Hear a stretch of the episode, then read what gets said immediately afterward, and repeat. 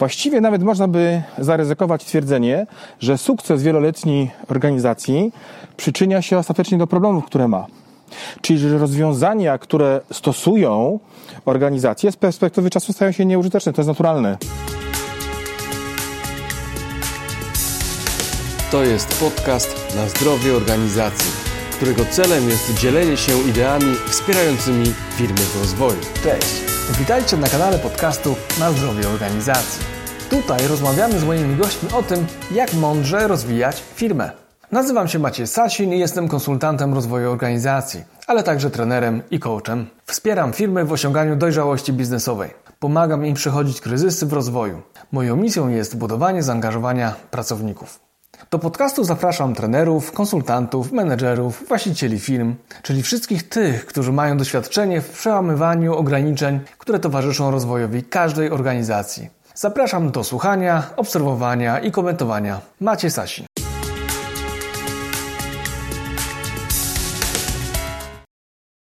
Cześć, witaj w 55. odcinku podcastu Na zdrowie organizacji. Z tej strony Maciej Sasin, Akademia Rozwoju Kompetencji.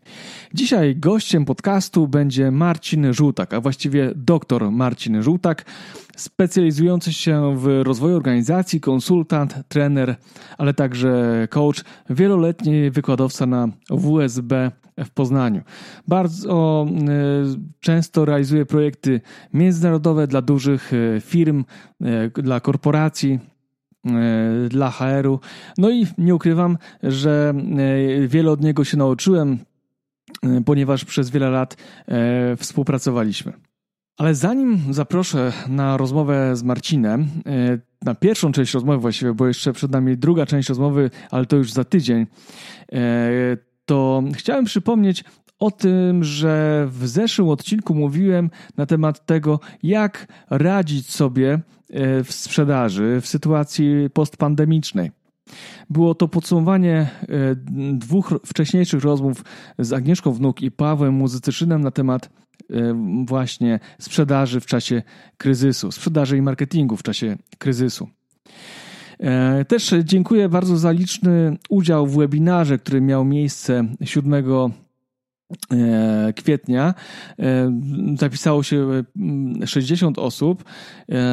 Bardzo było miło z Was gościć. Dziękuję za pozytywne informacje zwrotne i od razu informuję, że prawdopodobnie w maju będę realizował kolejny webinar, który będzie kontynuacją tego na temat budowania zdrowych organizacji, a teraz mówiliśmy o diagnozie i przeglądzie organizacji. Jeżeli mm, jesteś zainteresowany tym tematem, napisz do mnie, udostępnię Tobie e, ten e, webinar bo został nagrany. Natomiast teraz zapraszam już do wysłuchania rozmowy z Marcinem na temat tego, jak negatywne przekonania mm, zarządzających mogą wpłynąć na organizację oraz o szkodliwych lekarstwach. Oczywiście rozmawialiśmy też o wielu te innych tematach, ale to myślę, takie dwa najważniejsze, które się tutaj przewinęły. Uprzedzam, że nasza rozmowa nagrywana była w trakcie spaceru. Chodziliśmy po lesie, dlatego będziecie słyszeć śpiew ptaków, ale ale też nasze oddechy, no bo jednak zrobiliśmy po tym lesie, jak później spojrzałem, chyba 10 kilometrów, bo nagrywaliśmy dwa odcinki e, z rzędu, więc następny będzie już za e, tydzień. A tymczasem e, dziękuję za to, że jesteś ze mną i zapraszam do wysłuchania 55. odcinka podcastu Na zdrowie organizacji. Maciej Sasin, dobrego odbioru. Cześć Marcin, witaj w kolejnym odcinku podcastu Na zdrowie organizacji. Dzień dobry, witam Ciebie, witam Państwa. My z Marcinem znamy się chyba już dobre 12 czy 14 lat. Wspólnie rozpoczynaliśmy kroki, a właściwie Marcin był takim moim mentorem e, w procesie stawania się konsultantem rozwoju organizacji. Realizowaliśmy pierwsze projekty już dobre, no te projekty były 10 lat temu. Znamy się chyba trochę dłużej, ale projekty zaczęliśmy robić 10 lat. Chyba tak to było, co? Mniej więcej ja mam wrażenie, że to już jest tak długo, że przestałem liczyć. no tak, tak, tak. Już w tym, w tym wieku przestajemy już liczyć ten, ten czas, bo szkoda na to czasu. Ale słuchaj, no pewnie nasi słuchacze mo mogą Ciebie jeszcze nie kojarzyć, albo ci, którzy e, kojarzą Cię, to sobie przypomnią, przypomną, powiedz, czym się zajmujesz na co dzień? Ja jestem konsultantem Kiedyś byłem trenerem, dzisiaj mogę powiedzieć już z takim pełnym przekonaniem, że zajmuję się konsultingiem, doradztwem. Pracuję z przedsiębiorstwami o różnej wielkości, zazwyczaj tymi większymi i zajmuję się no, takimi przekształceniami biznesowymi, ale dotyczącymi tego, co się dzieje w organizacji. Okej. Okay. Super. A jakbyś tak trochę e, przybliżył konkretnie, co, jakiego typu to projekty są? To są zazwyczaj e, projekty, które łączą w sobie bardzo wiele obszarów funkcjonowania organizacji. Czyli ja się w tych organizacjach pojawiam wtedy, kiedy organizacja sama zauważa, że ma jakieś problemy, najczęściej przejawiające się symptomami dotyczącymi efektywności, braku komunikacji, konfliktami. I moja rola w dużej mierze polega na tym, żeby wspólnie z członkami tejże organizacji przyjrzeć się bliżej temu, jak oni funkcjonują, a następnie e, przy wykorzystaniu takiej metody Action Research, która bardzo mocno angażuje pracowników organizacji, wypracować użyteczne rozwiązania, które dotyczą bardzo wielu obszarów. Stąd ja najczęściej współpracuję z grupą koleżanek i kolegów, którzy specjalizują się w różnych obszarach, czyli przykład w procesach, w strategii, w komunikacji, w negocjacjach i wspólnie e, z nimi wspieramy organizację w wypracowaniu rozwiązań i wdrożeniu ich. Super. Super, e, czyli można powiedzieć, że, że tworzycie taką grupę projektową, wchodzicie do organizacji, pomagacie jej dojrzeć. Pomagamy dojrzeć i to, co w tej pracy mnie się bardzo podoba jako Marcinowi Żółtakowi, to to, że my nie tylko wspieramy tę organizację w zmianie, ale również zostawiamy taką, powiedziałbym, metawiedzę, czyli dotyczącą tego, co my możemy w tej organizacji sami zrobić jako pracownicy. Mhm. Zresztą, wiesz, to jest ciekawe, że potem e, ja to widzę te zmiany w języku, jakim się pracownicy posługują. Mhm. Czyli jak ja już wracam e, do jakiegoś kolejnego projektu, to oni do mnie mówią zupełnie innym językiem. Mhm. I to widać, że e, Y, to jest inna e, grupa odbiorców, bardziej świadoma tego, co się w tej organizacji dzieje. I wydaje mi się, że to jest właśnie takim e, aspektem pracy, który, e, który lubię, że te organizacje mogą się potem rozwijać same. No dokładnie, czyli są bardziej świadome i potrafią nazwać kłopoty i już nie potrzebują konsultantów, tylko rzeczywiście mogą już zacząć samodzielnie, dojrzale funkcjonować. Tak, dokładnie tak to jest. Ma to również negatywny aspekt, że nie można faktury wystawić, ale. to prawda, no ale to też taka nasza rola. No, pomagamy, usprawniamy po to, żeby później odejść i ewentualnie pojawić się na serwis, jak ja to mówię. Tak, tak, to dobra metafora. Powiedz Marcin, jaka jest Twoja definicja zdrowej organizacji? Myślę, że ty i ja bardzo lubimy podejście systemowe. Zresztą to było pierwsza rzecz, która nas połączyła kiedyś, kiedy tak. wspólnie myśleliśmy Prawda. o tym, jak można pracować z, organizacjami. I wydaje mi się, że e, zdrowa organizacja to jest taka, która w sposób świadomy, ale też e, wewnętrznie spójny odpowiada na wyzwania rynku, w którym pracuje. Mhm. Z pewnej perspektywy może się wydawać, że to jest definicja bardzo lapidarna i ogólna, ale jednocześnie w moim przekonaniu ona oddaje sedno sprawy. Mhm. Czyli, że organizacja zdrowa to taka, która analizuje swój rynek, wie jakie są jego wymagania i potrafi na te zmiany, większe lub mniejsze, adekwatnie zareagować poprzez wewnętrzną rekonfigurację w różnych obszarach, mhm. właśnie procesowych, komunikacyjnych, strukturalnych, zadaniowych, produktowych i to uznałbym za taką organizację zdrową. Wracając do tego naszego e, pierwszego e, pytania e, dotyczącego tego, e, kim jestem i co robię, to właściwie zdrowa organizacja to taka, która nie potrzebuje mojej interwencji. To piękna metafora i piękna, piękne podsumowanie, dokładnie. Już nie potrzebuje. Już nie, Już potrzebuje. nie dokładnie. No tak, to dokładnie też wpisuje się w ten mój, mój model postrzegania e, zdrowej organizacji w takim sensie, że rzeczywiście ona już może samodzielnie dalej, dalej sobie funkcjonować, ewentualnie no, potrzebny jest ten serwis. No dobra, e, Marcin, a powiedz, z jakimi symptomami braku zdrowia organizacji najczęściej spotykasz się w swojej praktyce? Wiesz co, myślę, że moglibyśmy o tym powiedzieć, że to są symptomy komunikacyjne. Mhm. Niejasności, niespójności, odmienne interpretacje e, sytuacji. E, e, to jest taka też mm, takie ograniczenia, które przejawiają się w tym, że jedna część, jeden dział chce coś, drugi dział zdecydowanie inaczej, a zarząd jeszcze w inny sposób interpretuje zdarzenia, które, które mają miejsca. Ja bym powiedział, że to jest typowy symptom, który mówi, oho, trzeba będzie zrobić trochę głębszą diagnozę i trochę bliżej pomóc pracownikom się przyjrzeć temu, co się dzieje, zwłaszcza, że występują te rozbieżności czasami bardzo e, w, szerokim spektrum takich zjawisk, od komunikacyjnych, procesowych, relacyjnych, jeśli chodzi o cele. No, zazwyczaj tego jest, e, tego jest dużo. Czy, czyli, że tak, jeszcze tak podsumuję to, co powiedziałeś, czyli e, moment, w którym w organizacji pojawiają się różne perspektywy, które są często niezrozumie, niezrozumiane, czy niezrozumiałe przez jedną czy drugą stronę i, no, i wtedy trzeba e, te perspektywy gdzieś obejrzeć wspólnie i przepracować i e, nazwać i iść dalej, tak? Tak, i to jest bardzo y, często moment, mm, kiedy organizacja po raz pierwszy ma szansę przejść od takiego świadomego zauważenia, czym jest symptom, a czym jest jakiś problem źródłowy. To, co powiedziałem przed chwilą, że najczęściej dostrzegają problem w komunikacji. Mówią sami, myślą, że komunikujemy. No tak, tak. I dopiero y, potem mówię, to dobrze, to przyjrzy, przyjrzyjmy się bliżej temu, co się w Państwa organizacji y, dzieje i zaczynamy y, głębszą diagnozę. Czyli y, konkludując, ko- takim najczęściej spotykanym symptomem jest ta komunikacja albo brak współpracy. No właśnie, a ten e, brak współpracy, bo tutaj e, to jest ciekawe, bo tutaj chodzi o też o, o taką silosowość e, w, ty, w tych właśnie różnych tych obszarach, gdzie, gdzie w organizacji się stykają i ze sobą się nie komunikują. To też o ten aspekt chodzi? Tak, dokładnie. O ten aspekt chodzi y, z silosowości. To jest w ogóle, bardzo ciekawe zjawisko, dlatego że ono z jednej strony jest symptomem problemów, a z drugiej strony jest przejawem rozwoju organizacji. No tak. Wydaje mi się, że to jest całkiem naturalne zjawisko, kiedy organizacja rośnie, pojawiają się nowe struktury, nowe działy, nowi pracownicy i one powodują, że pojawiają się też silne różnice. To też jest zjawiskiem naturalnym. I one powodują e, pojawianie się odmienności.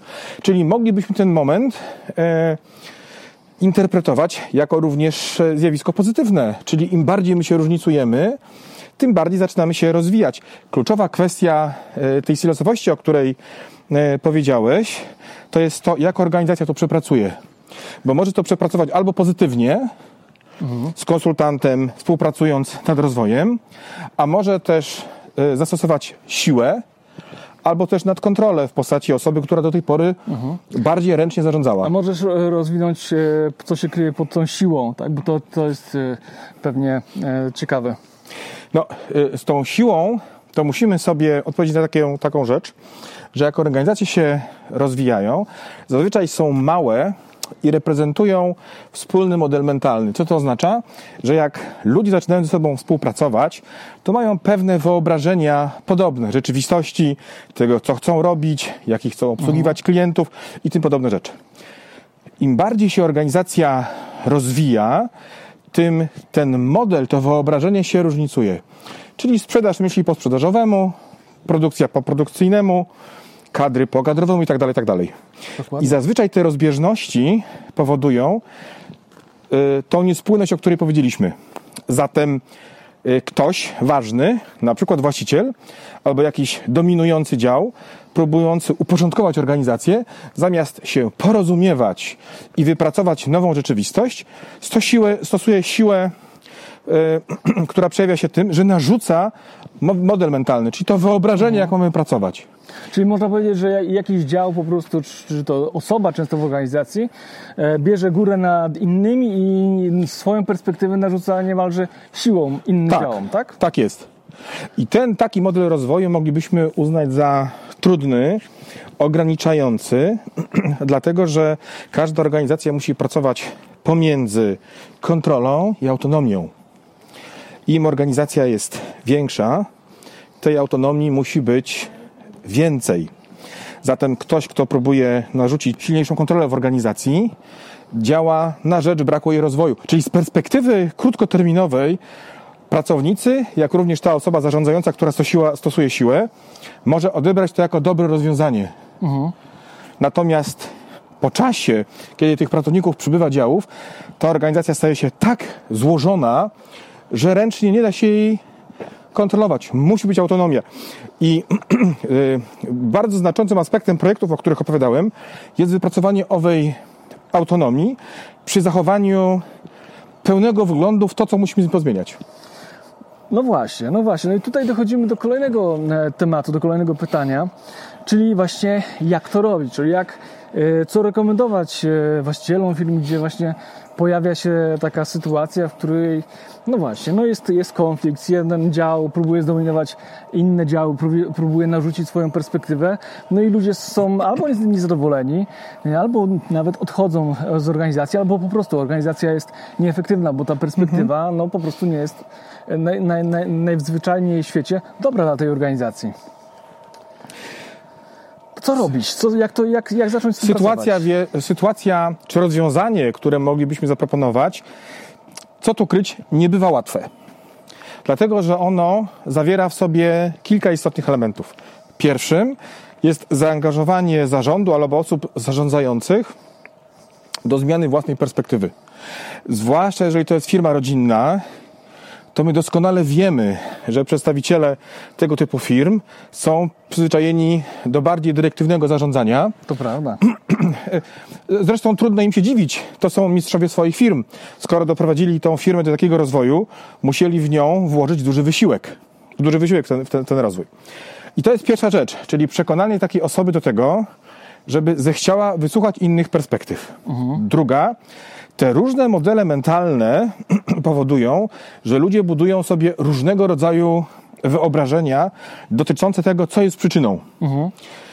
I teraz my nie możemy się porozumieć co do tego, co jest przyczyną. My musimy uwspólnić wyobrażenie. Coś musi nam to wyobrażenie dać. Zatem kolejnym krokiem jest poszukanie przyczyn w oparciu o e, wspólny model organizacji.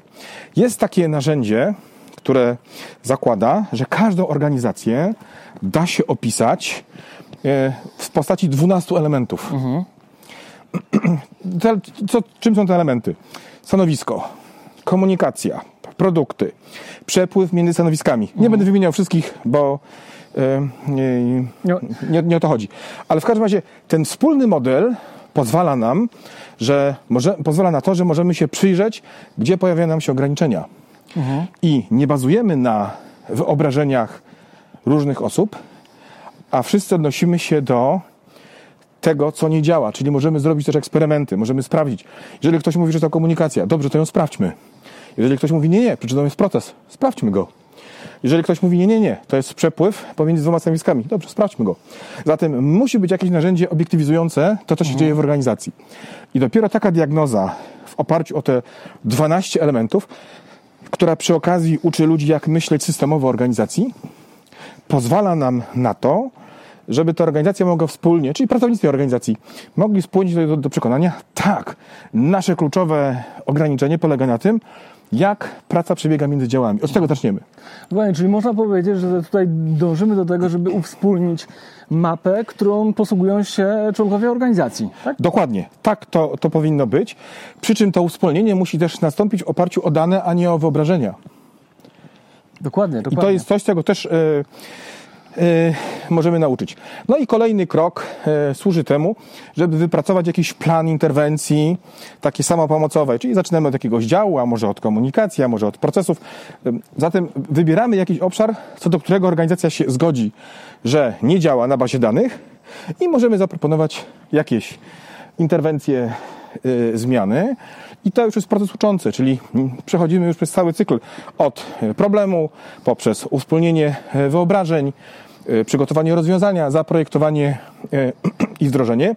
Zatem po części załatwiamy problem merytorycznie, plus edukacyjnie, plus mamy jeszcze dużą, ważną rzecz, czyli osoba zarządzająca zmienia swoją perspektywę. Mhm. Uczy się, że wcale nie musi stosować siły.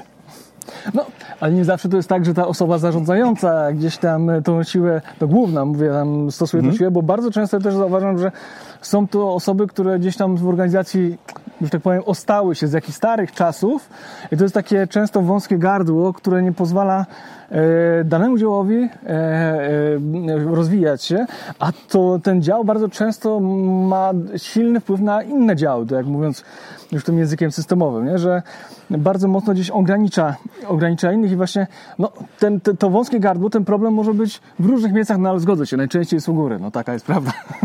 No to, to rzeczywiście to też tak jest, że y, oczywiście moja prawda jest najmojsza. I y, my nawet nie musimy powiedzieć, że y, tą osobą, która y, stawia, no powiedzmy opór, chociaż niekoniecznie no, broni swoich przekonań, byłoby bardziej sensownie, żeby to powiedzieć. Może być i w zarządzie, ale też może być w dziale, ale też może być u poszczególnych pracownikach.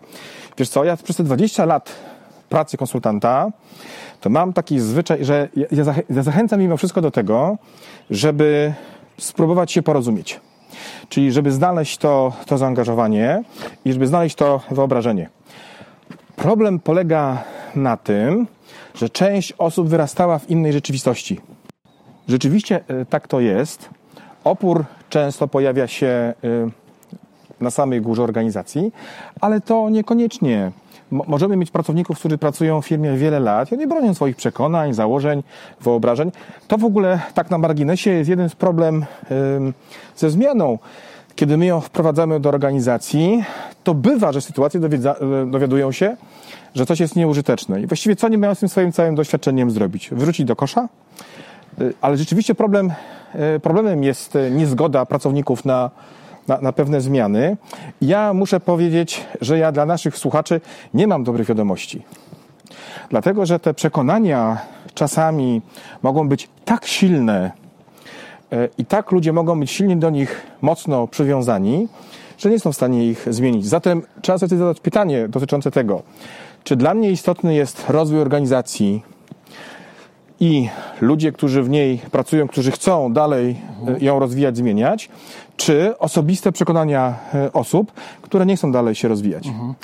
No, no właśnie, no właśnie. No, ja to mam e, z tymi przekonaniami, to jest jedno, bo przekonanie to mi się kojarzy tak bardzo psychologicznie, pewien obraz świata, e, który się ma i który gdzieś tam, którego się trzyma i trudno go zmienić. Ale ja też widzę, że jest problem z czymś banalnym, że mm, tak naprawdę brakuje aktualizacji wiedzy i dostosowania się do tej aktualnej sytuacji, o której mówiłeś na początku, tak? Że właśnie e, w tej twojej, swojej definicji zdrowia organizacyjnego, że właśnie firmy czy osoby w firmach e, nie otwierają się na nowe sposoby, na nowe narzędzia, na, na ten świat, który się bardzo zmienia, na tego klienta, który się zmienia, no i później działają siłą rozpędu, no i niestety ten impet po prostu coraz bardziej e, spowalnia, tak? Jakby tą całą organizację.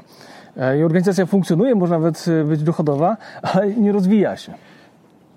To prawda i myślę, że to, o czym powiedziałeś, jest y, dużym ograniczeniem. Właściwie nawet można by zaryzykować twierdzenie, że sukces wieloletniej organizacji przyczynia się ostatecznie do problemów, które ma. Czyli, że rozwiązania, które stosują organizacje, z perspektywy czasu stają się nieużyteczne. To jest naturalne. Tak, tak. Y, To, to trochę tak, jakbyśmy byli pięciolatkiem w w skórę dwudziestolatka i chcieli takie samo y, myślenie y, y, zastosować. Natomiast y, rzeczywiście taki problem jest.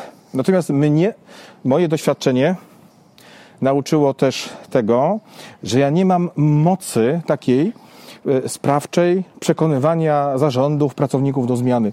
Czyli ja mogę zaproponować pewną perspektywę, pewne rozwiązanie.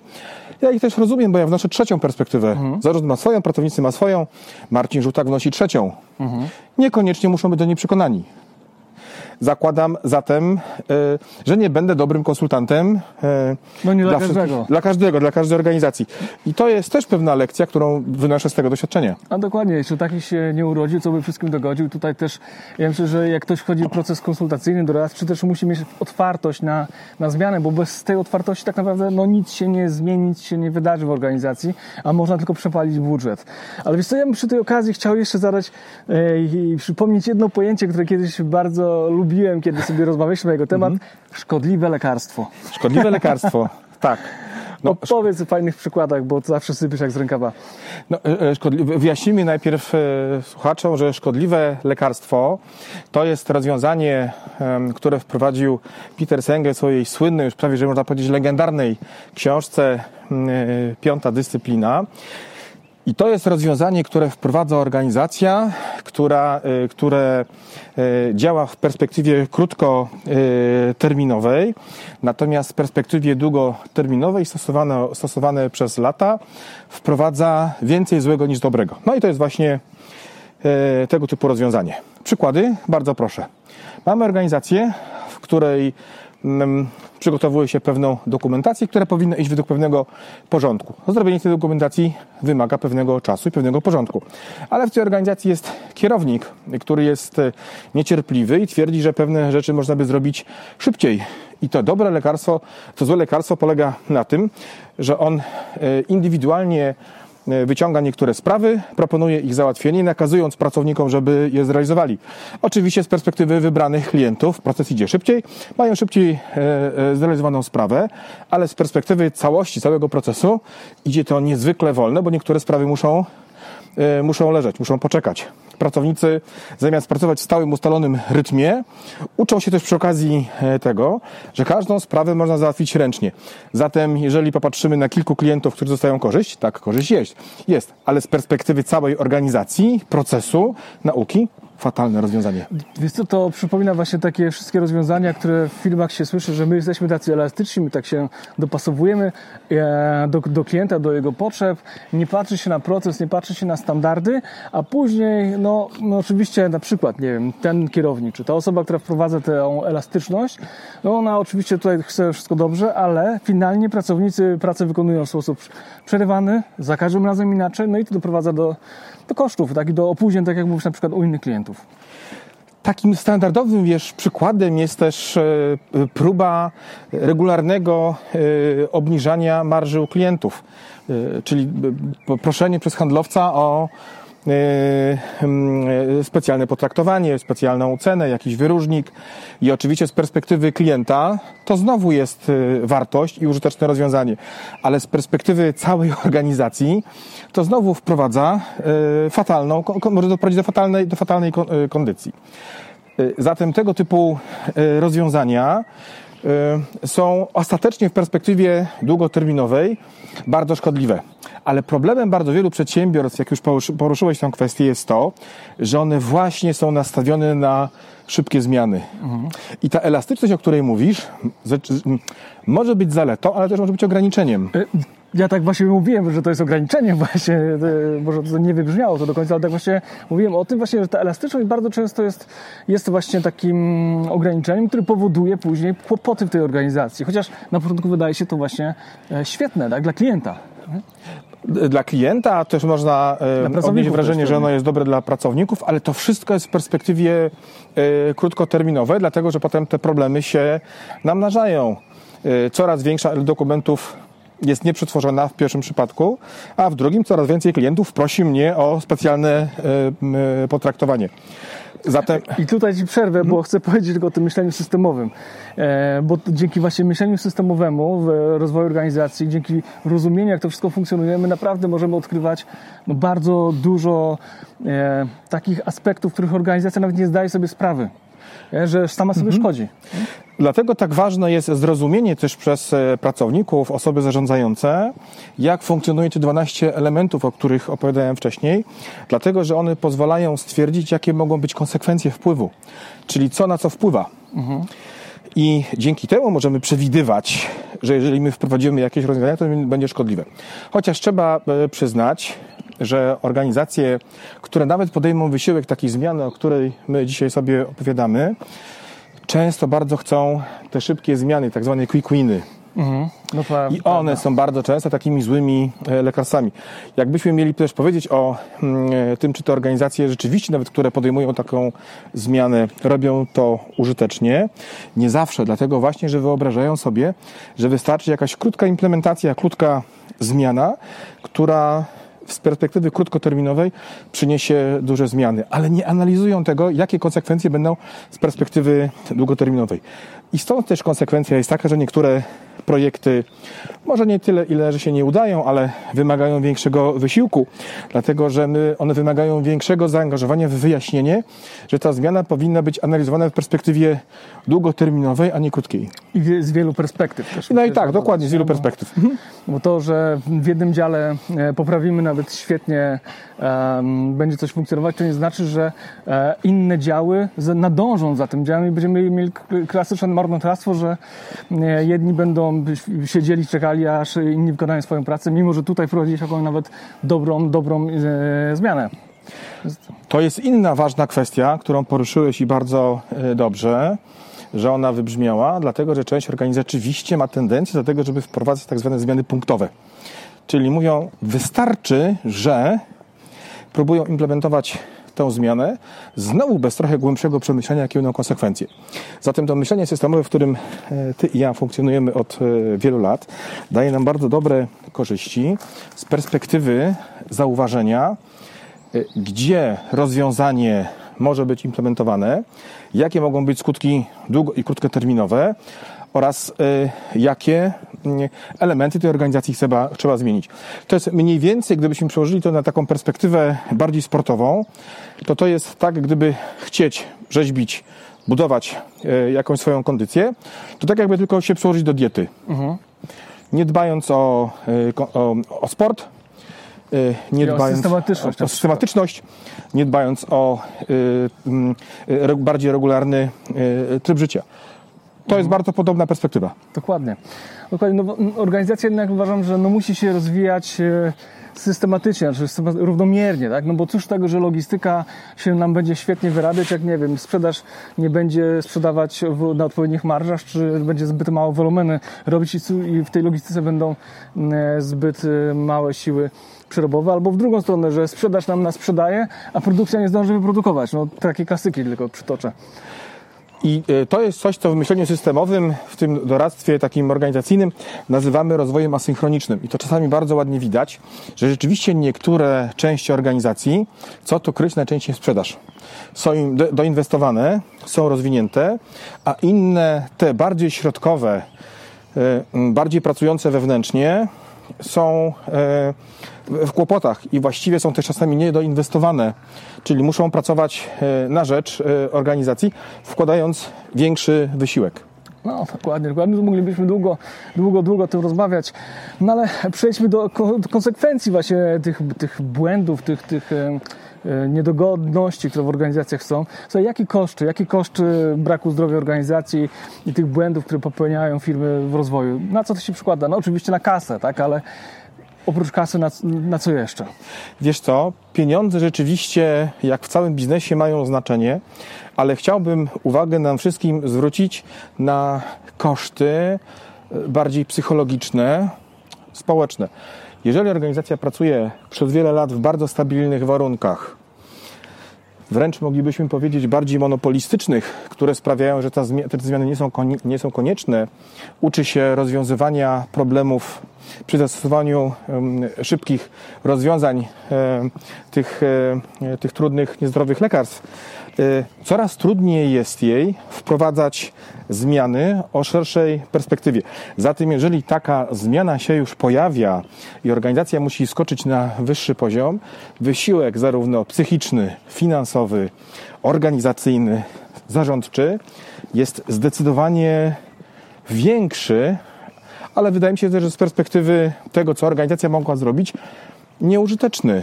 Czyli, że trzeba włożyć bardzo dużo wysiłku, żeby ta organizacja się y, pozmieniała. Poza tym zwróćmy uwagę, że wzrasta też ryzyko powodzenia takiej dużej zmiany. Tak. Ja tutaj przypomnę pojęcie długu technologicznego, które zazwyczaj pojawia się w IT, ale ono może być wszędzie tak naprawdę, czy na produkcji, czy no w każdym tak naprawdę dziale. To dług technologiczny, jakikolwiek dług ed- edukacyjny, czy dług wi- wiedzy nie, nieaktualizowanej, to, to się wszystko przekłada na to, że jeżeli każda, każde oczekiwanie na, na zmianę, na większą zmianę, po prostu po- spowoduje, że koszt zmiany będzie większy, a ryzyko jej wdrożenia e, no będzie wzrastało. Czasami chyba wykładniczo nawet, nie? Im Tak, większa firma jeszcze, to tym większy problem. Tak, to prawda, o, o ile w em, inżynierii czy w IT możemy powiedzieć o długu technologicznym, o tyle w tym aspekcie bardziej społecznym. Mówimy o takim zjawisku, które e, wyraża się trzema literkami OLC, czyli Organization Learning Capacity, czyli zdolność do uczenia się. I to rzeczywiście bardzo mocno też widać, e, kiedy mam przyjemność pracować z organizacjami o odmiennych kulturach organizacyjnych. I te, które są e, bardziej adhokracyjne, czyli są bardziej elastyczne, są nastawione na pracę projektową, e, są zróżnicowane kulturowo. e, Czasami mówię, że są gadające, czyli to są takie e, ku- kultury, które uzgodni- uzgodniają właśnie bardzo dużo rzeczy, to tam ewidentnie widać, że organizacje o takim typie ten OLC mają wysoki. Czyli zmiany nie są im straszne. Natomiast im organizacja jest bardziej stabilna, nie wiem, czy mogę użyć słowa pojęcia, że jest bardziej konserwatywna. Bardziej W pewnym stabilna. sensie tak, to można tak, byłoby tak powiedzieć. bardziej, y, bardziej stabilna. Tego typu e, organizacje, kiedy muszą dokonywać zmian, właśnie ten, ten OLC mają bardzo mały, czyli możliwość uczenia się, wprowadzania zmian, przyjęcia nowej perspektywy, wypracowania koordynacji, rekonstrukcji procesów jest dla nich bardzo y, bardzo trudna. Zatem nie tylko to jest kwestia wprowadzenia technologii, ale też rekonstrukcji tego, jak działa cały system. No właśnie, o tym napisać książkę, ale o tym nagramy em, kolejny odcinek podcastu, gdzie już dokładnie wypytam Cię o tą książkę, opowiesz na czym e, główna idea pole, tej, tej, tej mm, Learns, którą opisałeś w książce, polega i do tego, do tego tematu wrócimy. Natomiast e, powiedziałeś o ważnej rzeczy, no, ty, o tych kosztach społecznych, te kosztach społecznych, które, które organizacja ponosi e, w, poprzez to właśnie, że no, no, y, ma problem z komunikacją, ma problem z uzgadnianiem tej rzeczywistości, pojawiają się konflikty, pojawia się siła, silosy i tak dalej. Czym to się kończy dla ludzi zazwyczaj? Myślę, że kończy się e, dużym, e, że może kończyć się no, dużym zmęczeniem, może się kończyć zniechęceniem, pewnym też zawodem wynikającym z tego, że oddali sporą część swojego życia swojej orga- organizacji, a ona, uwaga, tu palce w cudzysłowie, takich e, potraktowała. E, zatem ta organizacja może nie zajmować takiego rynku, takiej pozycji na rynku, jaki by chciała. Pracownicy mogą nie pracować w organizacji taką, jaką sobie wyobrażali, a y, zarząd może być sfrustrowany koniecznością wprowadzania niekiedy drakońskich, e, drakońskich zmian. Tak. Ale tu tylko ci wetnę się tutaj w słowo, że no, nie powinniśmy chyba do takiej sytuacji dopuszczać, że tutaj powinniśmy być tacy, używa, używam tutaj modnego kolejnego słowa, czyli agile'owi, zwinni w podejściu do, do rozwoju organizacji i nie jednak nie doprowadzić do tego długu organizacyjnego, nie doprowadzić do tych wszystkich kłopotów, bo tak jak mówiliśmy, im dłużej zwlekamy, tym koszty będą większe. Koszty będą większe i myślę, że tutaj warto byłoby zwrócić uwagę na jeszcze e, jeden aspekt e, wynikający z takiej społecznej odpowiedzialności organizacji. Chciałbym zwrócić uwagę, że organizacje, które są bardzo stabilne, budują pozorne bezpieczeństwo dla swoich pracowników. Czyli z jednej strony, kiedy pracuję przez wiele lat, te moje kompetencje się mogą nie rozwijać, ale jednocześnie praca jest bardzo komfortowa w ustalonych godzinach, warunkach, e, z określonych e, relacjach. Natomiast kiedy ta organizacja zacznie mieć e, kłopoty, to te kłopoty się przekładają na mnie, związane z tym, jakie kompetencje mogę zaprezentować na rynku, jaką pracę mogę, y, mogę znaleźć.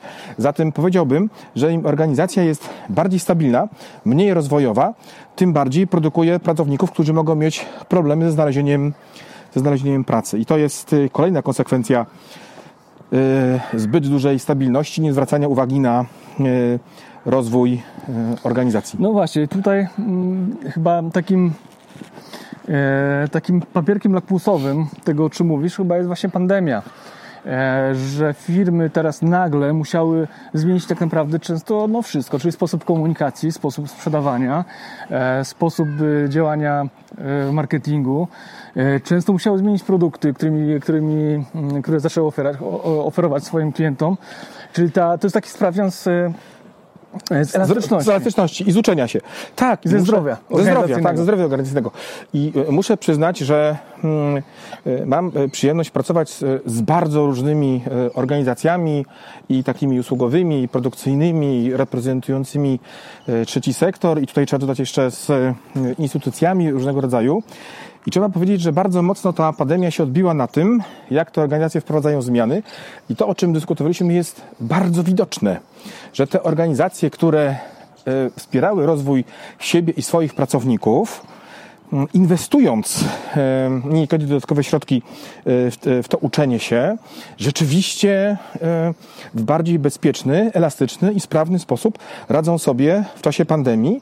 Te bardziej stabilne, no, mają wiele do wdrożenia, do uczenia się i to napięcie, które się pojawia u pracowników, rzeczywiście jest duże. Zatem pandemia e, sama w sobie dołożyła problemów, a ta stabilność spowodowała kolejne. Mhm.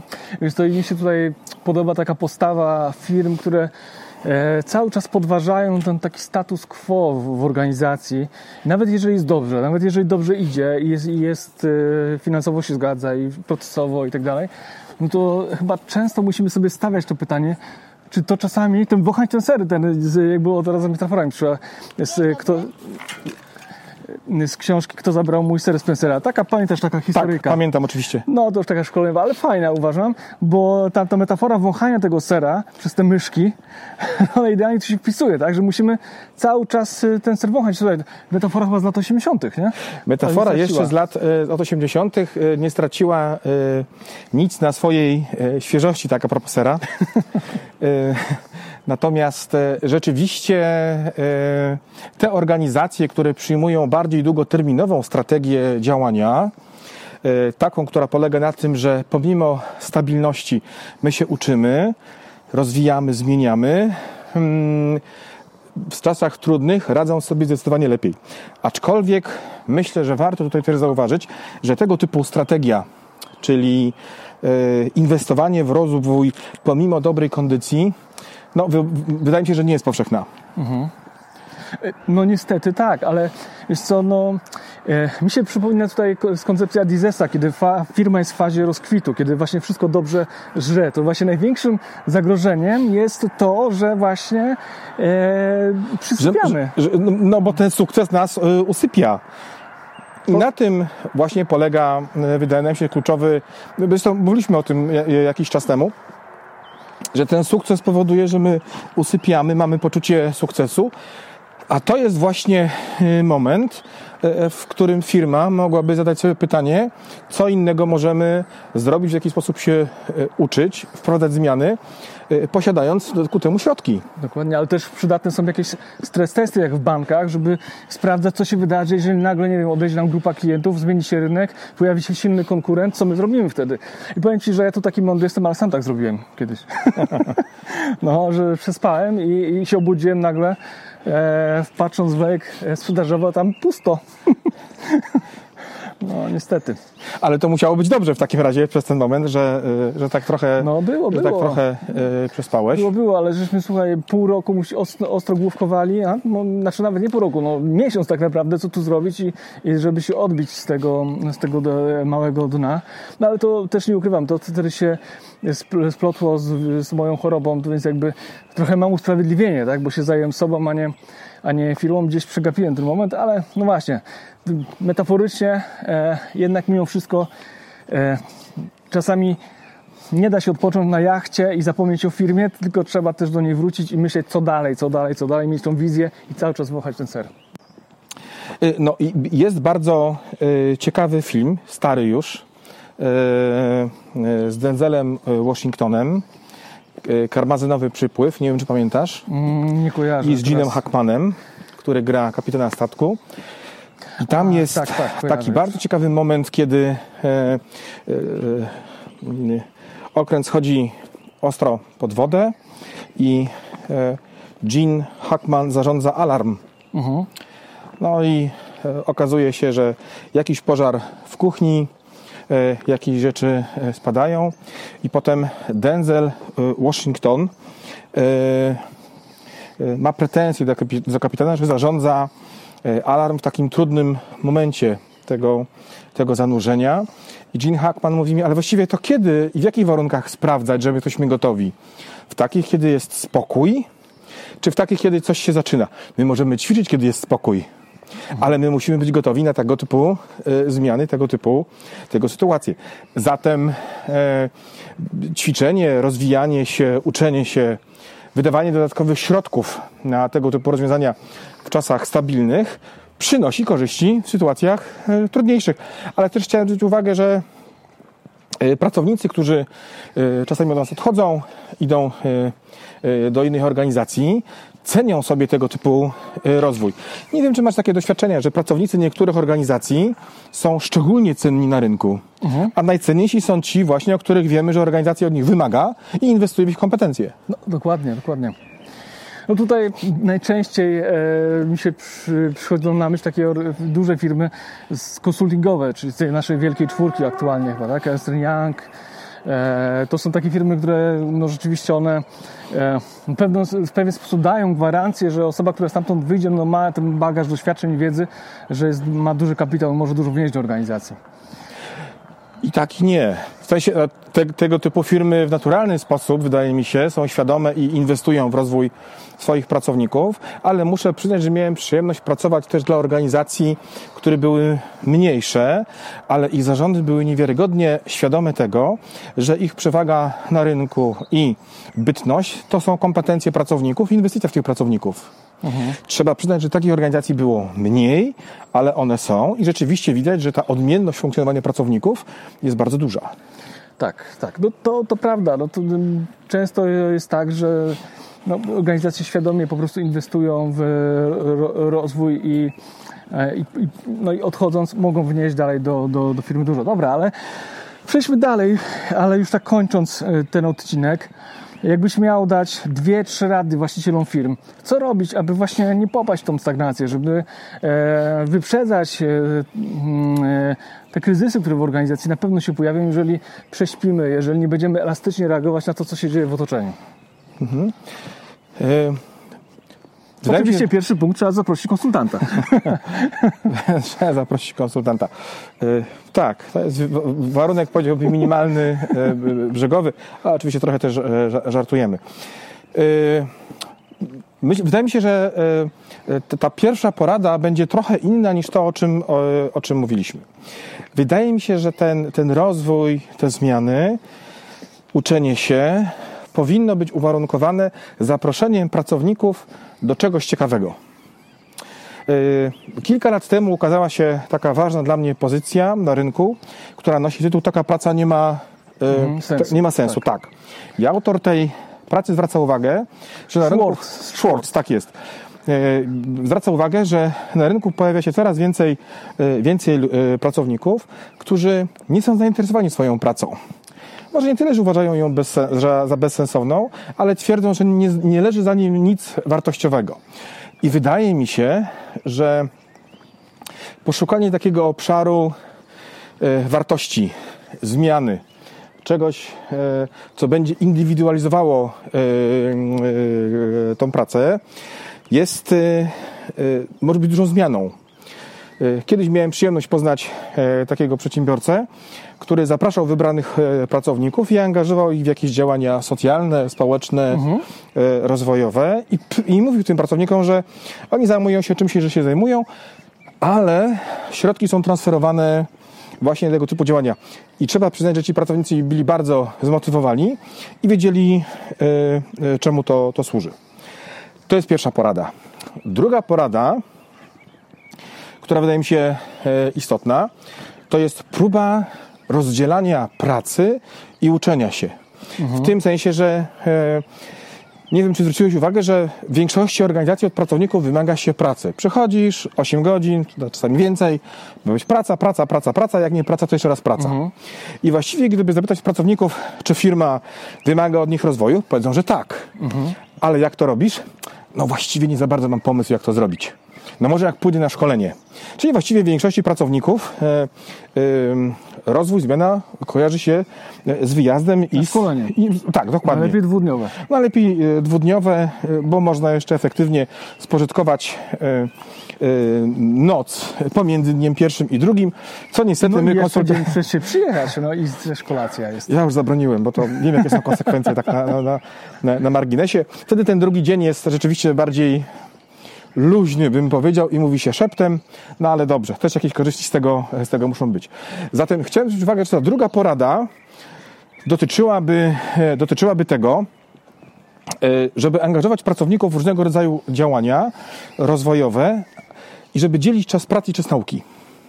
To wydaje mi się drugą taką poradą. I trzecia porada dotyczy tego, żeby angażować pracowników w działania poznawcze. Wiem, że to brzmi górnolotnie, mhm. ale intencja jest taka, żeby oni byli zaciekawieni jakimś obszarem organizacji. Tego, tym, co się w nim, w nim dzieje. Czyli żeby działa, działali eksperymentalnie. Chodzi mhm. o to, żeby nie pracowali, wiesz Maciej, bardziej rutynowo, tylko żeby były jakieś obszary, które czyniłyby z nich autentycznych ekspertów, w ramach których mogą się dzielić wiedzą, mogą szkolić, rozwijać. mogą rozwijać, E, mogą, e, mogą poszukiwać danych i wydaje mi się, że ta eksperckość plus e, ten pierwszy warunek, czyli zaproszenie do czegoś większego niż same działania rozwojowe, organizacyjne, plus umożliwienie czasu pracownikom na działania, sprawia, że oni będą bardziej zainteresowani połączeniem rozwoju z wykonywaniem pracą. Hmm. No, te tematy, o których powiedziałeś, to rozwiniemy w kolejnym odcinku, e, jak już będziemy rozmawiać na temat Twojej książki, no bo zakładam, że tam te tematy one są dosyć e, mocno postawione e, w tej książce. Zdecydowanie silniej. Tak. Mocniej. No to właśnie, to fajnie, że do tego będziemy mogli wrócić. Także od razu z tego miejsca będziemy zapraszać do, do wysłuchania kolejnego odcinka. Marcin, Dziękuję Ci bardzo za, za to, że spotkaliśmy się, bo spotkaliśmy się wreszcie w tej pandemii. Nie wiem, czy to słychać, ale właśnie chodzimy po lesie o przepisowej odległości e, dwa metry od siebie e, i, mm, i rozmawiamy. I tak, tak, tak, tak naprawdę e, też dlatego słychać trochę zadyszkę Marcina, że rzeczywiście tak jest, ale daje z siebie wszystko i wcale nie jest czerwony na twarzy. Dziękuję bardzo. To wspierające było, co powiedziałeś. Marcin, dzięki wielkie za udział w podcaście. No i do kolejnego. Bardzo dziękuję. Do usłyszenia. Do usłyszenia.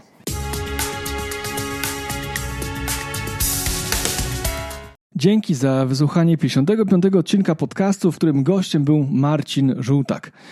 E, Marcin zawsze był dla mnie inspiracją. Wiele od niego się nauczyłem tak pod względem e, praktyki diagnozowania firm, jak i narzędzi, którymi można te organizacje, firmy e, diagnozować. Wiele przegadaliśmy, wiele wspólnie przepracowaliśmy, zrealizowaliśmy wiele, wiele projektów. I cieszę się, że mogłem z Marcinem spotkać się, bo dawno nie mieliśmy okazji pogadać, no wiecie, pandemia, wszyscy gdzieś jesteśmy pozamykani w domach, trochę każdy się koncentruje gdzieś na swoim, na tym, co ma do, do, do robienia, i, a jest tego, jest tego dużo. Więc no nie było wcześniej okazji, ale wreszcie się udało. No i cóż, pozostaje mi zaprosić Was na kolejny odcinek, w którym będę rozmawiał z Marcinem na temat jego książki, która niedawno się ukazała. Książka nazywa się Learns jest o tym, e, jak e, naprawdę dobrze przekazywać wiedzę w organizacji, jak uczyć się w organizacjach, jak uczyć pracowników, żeby rzeczywiście przyniosło te spodziewane e, efekty. A tymczasem zapraszam do śledzenia moich fanpage na Facebooku, czy też profilu na LinkedIn. Zamieszczam tam dużo informacji różnego rodzaju, dodatkowych, które nie pojawiają się w podcaście. Są to jakieś fragmenty e, checklist, e, różnego rodzaju artykuły, którymi dzielę się e, z, ze społecznością. Zapraszam też do komentowania w swoich aplikacjach, w których słuchacie podcastów, no i oczywiście do subskrybowania tego podcastu.